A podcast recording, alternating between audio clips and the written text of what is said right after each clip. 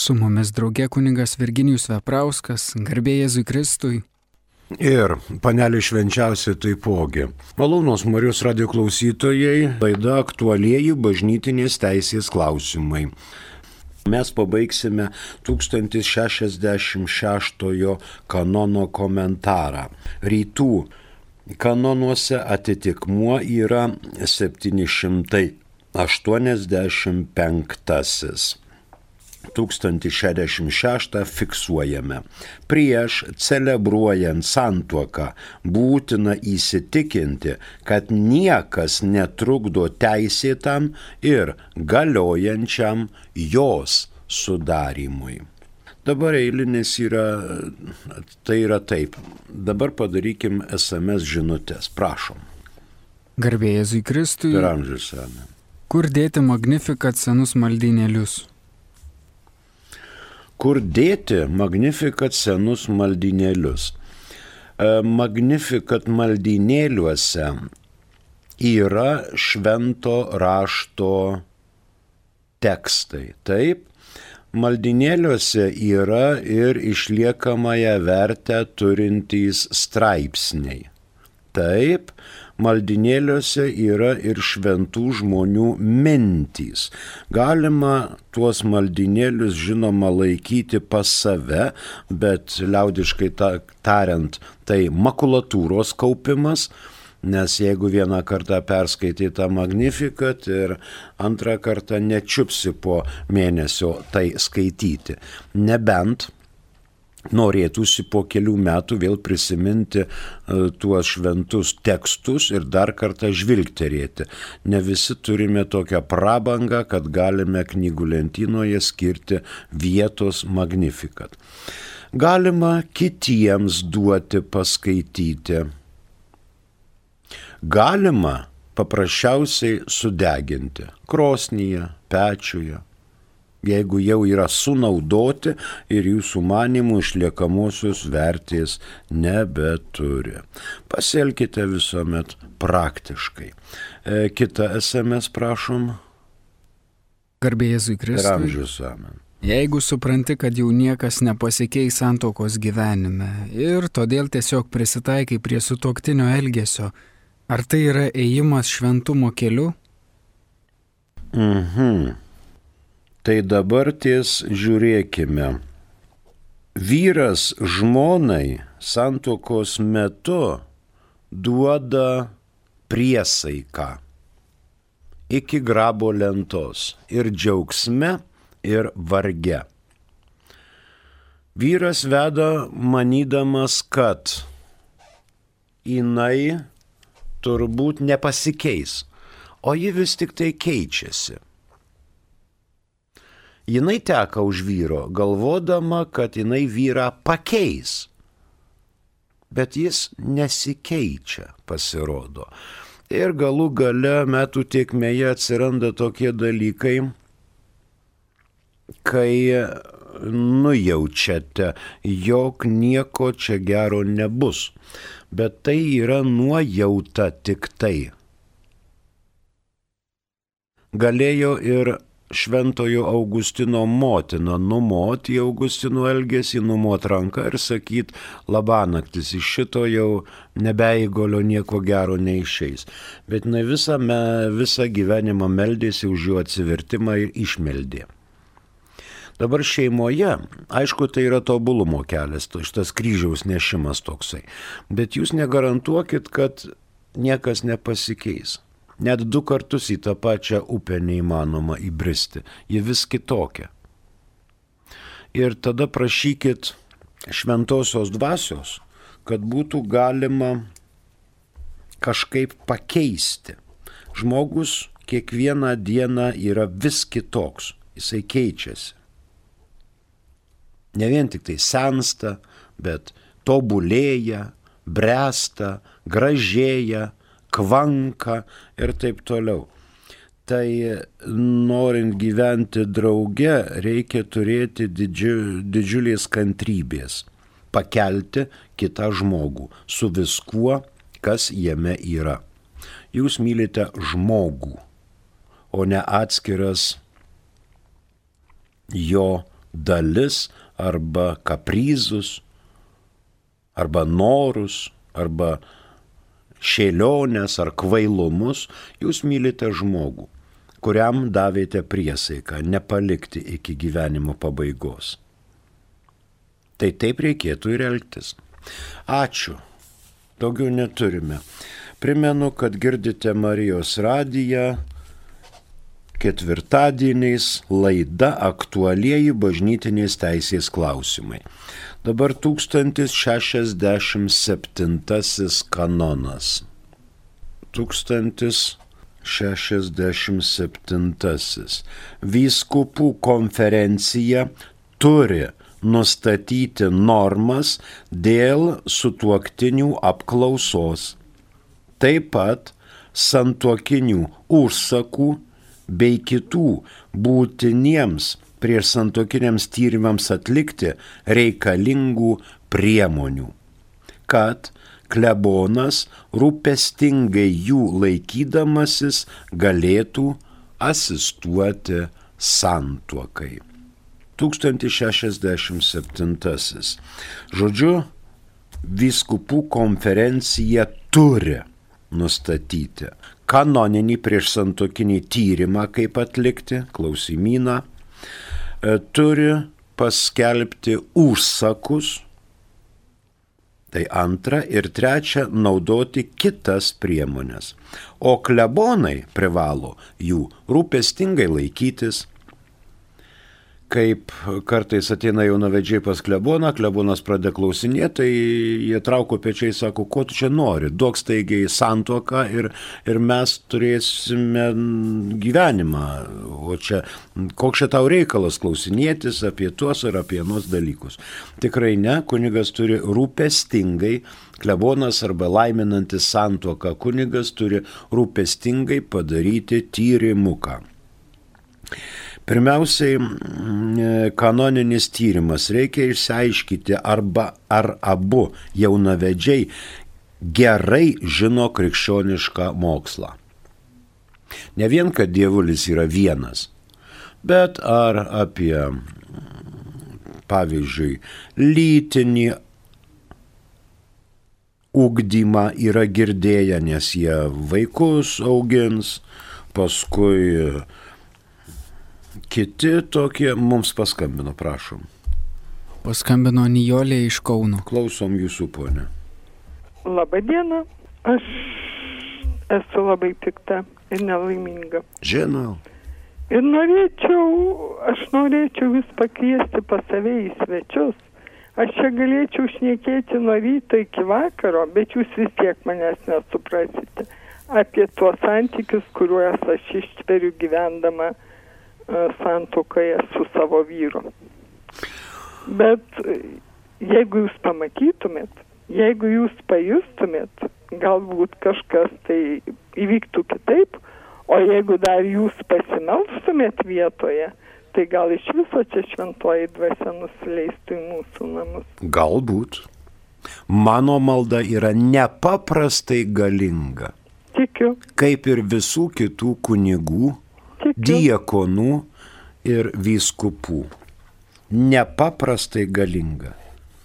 Nepaprastai galinga.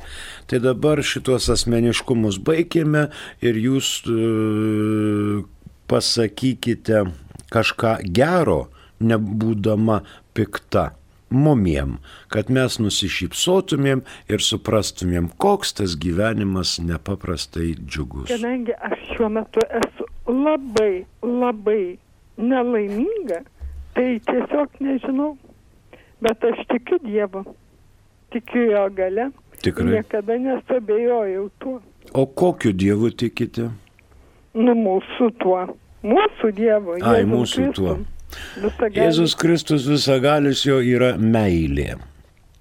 Tai vad nusišypsokit šitai meiliai iš visos širdies ir tikrai jis jums pradžiai palengvins būti nepiktai. Ačiū ponė, mes dar turim keletą čia informacijų, prašau. Garbėjai Kristui. Amžius amen. Vienuolijose yra ir pasauliečių, vieni oblatais, kiti tretininkais, treti bičiuliais vadinami, kaip susigaudyti, kas kaip. jūs ir kreipkitės į vienuolijas. Ir paskaitykite vienuolijų konstitucijas. Dabar vienuolijose yra ir pasauliečių.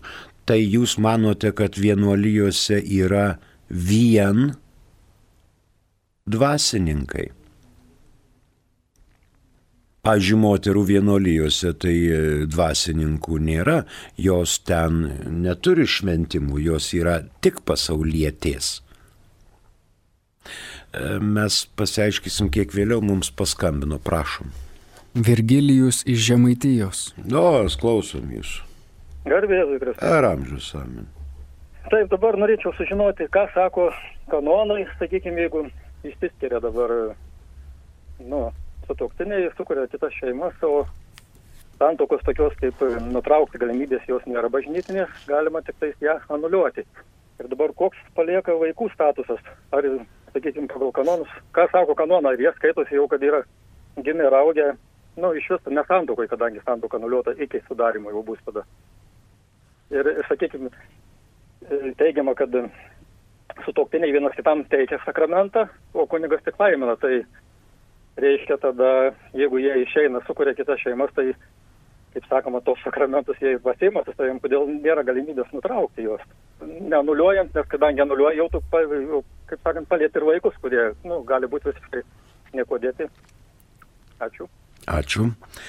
Dabar žemaityje turėtų žinoti keletą dalykų, kad šitame klausime yra trys dalys. Visų pirma, pradėkim nuo galo žmogus, žmogaus nesugeba padaryti arba sukurti.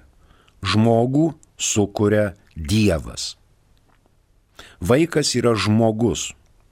Vaiką sukuria Dievas, bet ne tėvai. Tėvas perdoda tą šventą lytinę energiją žmonai ir gimsta vaikas. Tai dabar dėl vyro ir moters santuokos, čia vaikai nepaliečiami. Jie kaip buvo, taip ir yra Dievo kūriniai. Tai vienas atsakymas. Dabar antras atsakymas kaip jūs minėjote, sakoma. Nesakoma, bet tai konstatuojama, kad santuoka teikia vyras žmonai, žmona vyrui kunigas tik laimina. Dievas sukuria žmogų laisvą ir neverčia žmogaus būti kunigu, vienuoliu, laš, našliu, viengungiu eiti ten dar kur nors šunim šieko pjaut. E, žmogus pats pasirenka.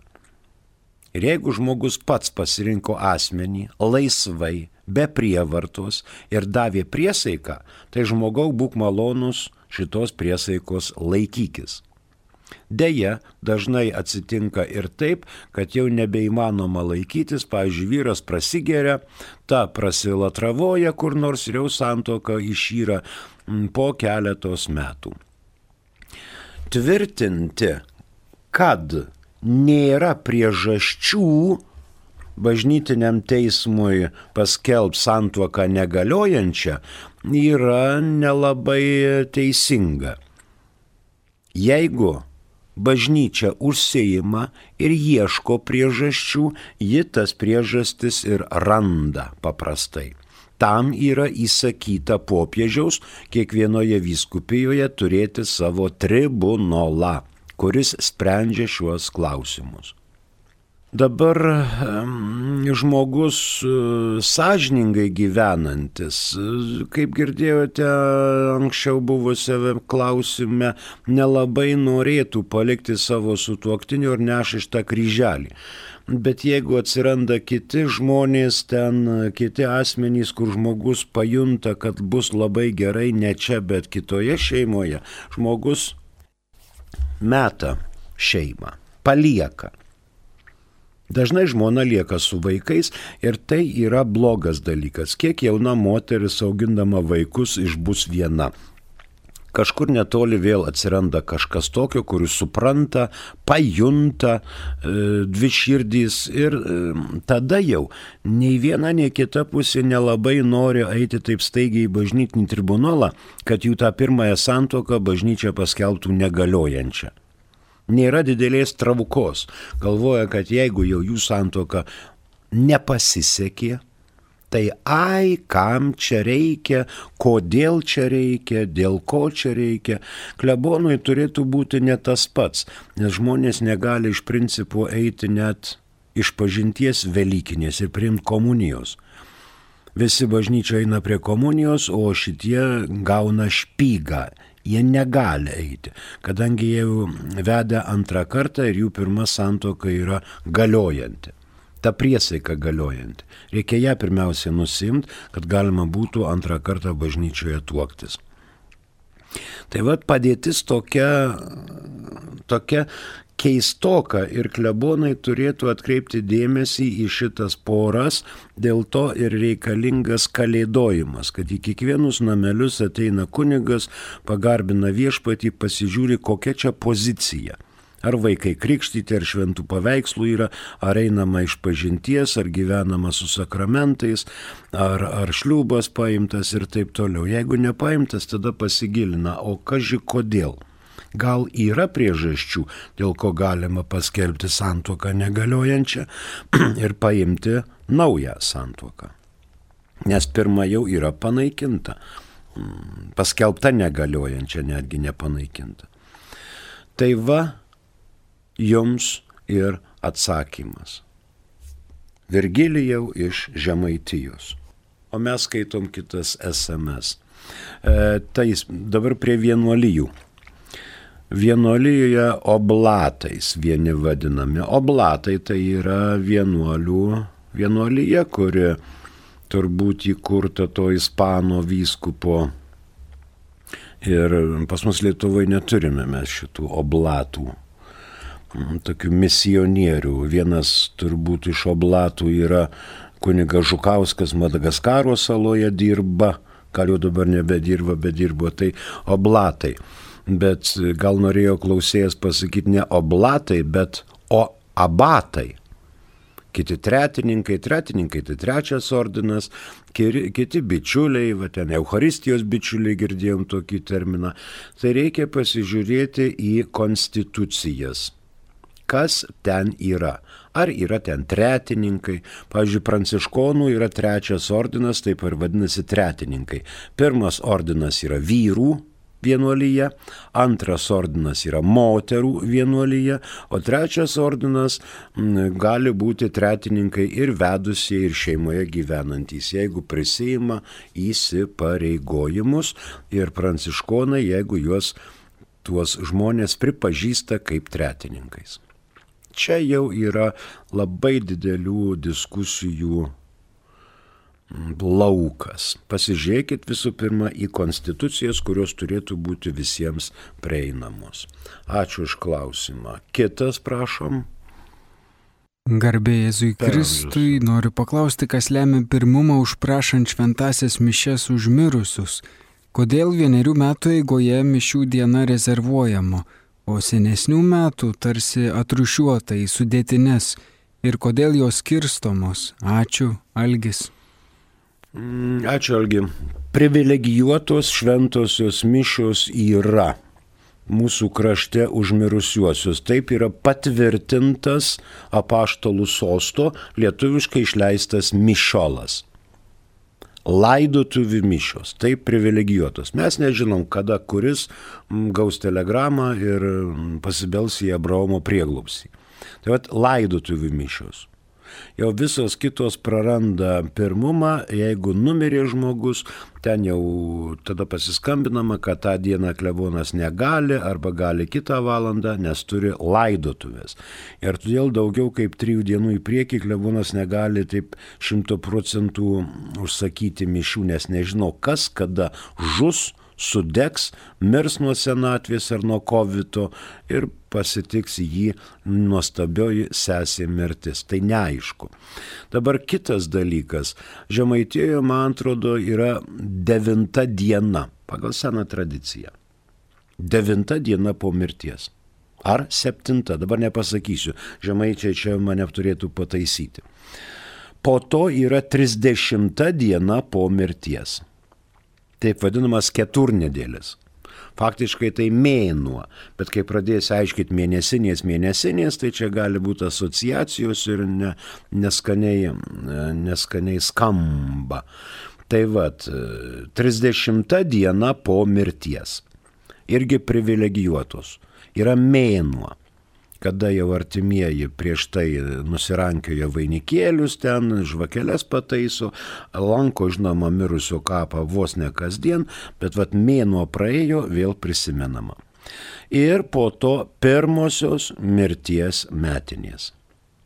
Privilegijuotos, taip mišelė parašyta, yra įskirta specialūs tekstai pirmoms metinėms o visi kiti ten 10 metų, 15, 20 pagal prisiminimą arba pusmetis ar pusantrų metų jau neturi tokių didelių privilegijų algi. Todėl vienerių metų eigoje, reiškia, mišių diena rezervuojama o kiti nebūtinai adresuojami į sudėtines. Jeigu auka riebesnė, atnešat klebonui ir jisai perskaito šitą intenciją. Jeigu netokia riebi, tada yra dėžutė ir ten aukojamos mišios pagal tai, kas parašyta. Ačiū. Toliau klausimas. Prašom. Marius iš Šiaulių klausė, per mišes, kai kalbama malda tėvė mūsų, vieni susikabina, kiti rankas pakelia, kiti nuleidę rankas laiko, o kaip reikia? A kaip norit.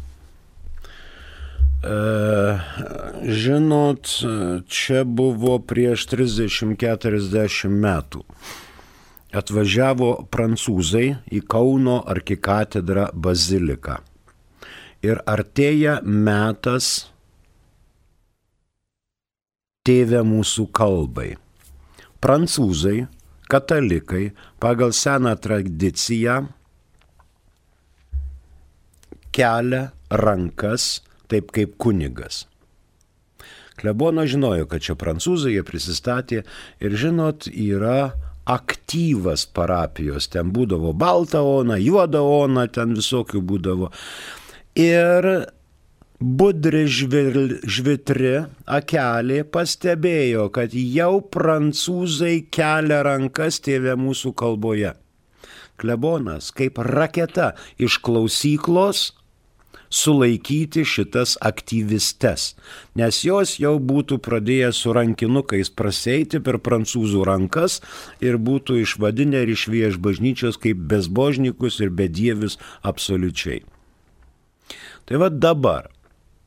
O dabar kunigui yra privalu laikyti rankas pečių plotie, delnais vienas į kitą, rytuopė, jeigu kunigas delnais į altorių, va taip, na, o žmonės Kas gali uždrausti žmogui iškelti rankas, kalbant tėvę mūsų? Mirė artimas žmogus, jis nori pasimelsti. Prašau. E, faktiškai maldaknygėse nenurodyta, kaip rankas reikia laikyti, kalbant tėvę mūsų. Kunigas veiksmus žino ir jais vadovaujasi. O žmonės dabar, kai karšta, netgi per pakilėjimą labai nenori klauptis.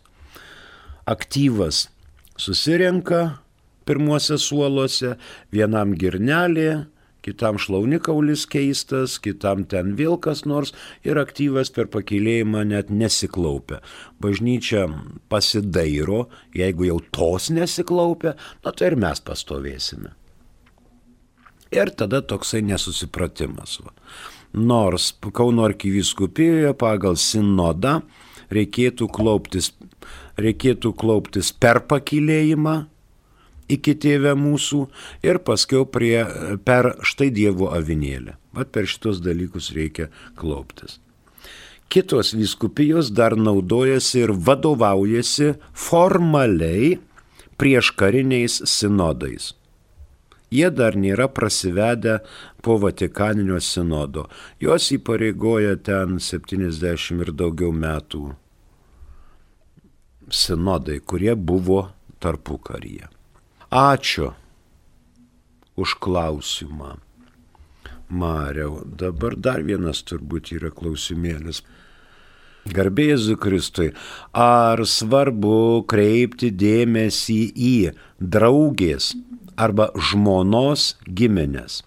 Ar būtinai žmonos giminės prieš priimant sprendimą tuoktis turi taip pat labai patikti kaip žmona?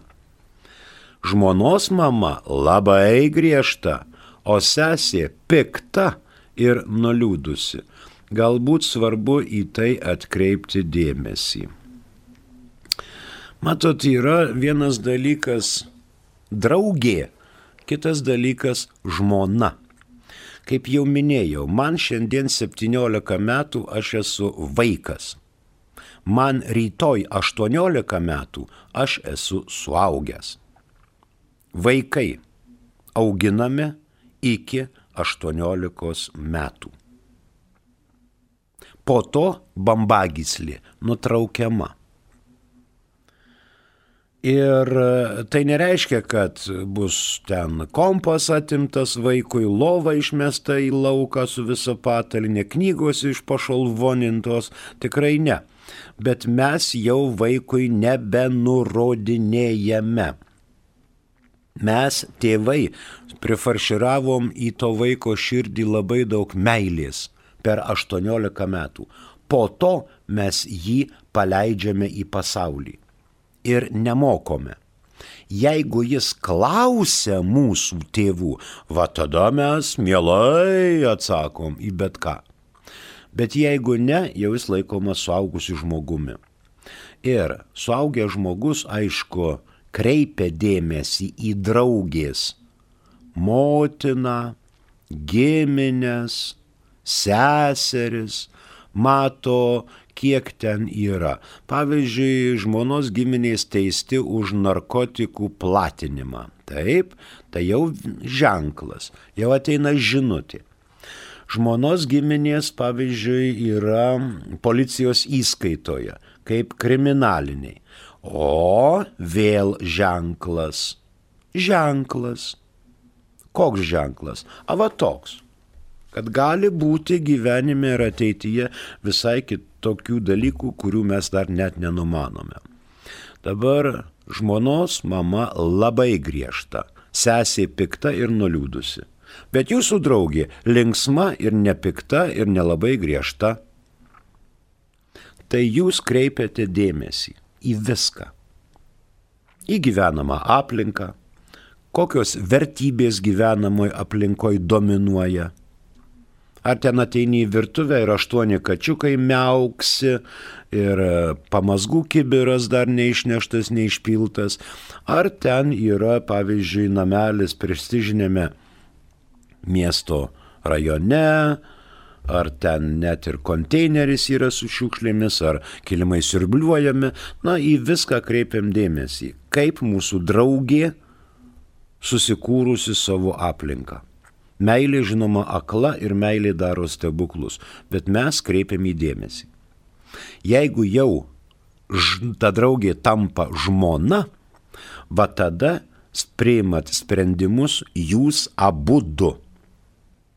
Ne mano tėvai ir ne jos tėvai, bet abu du.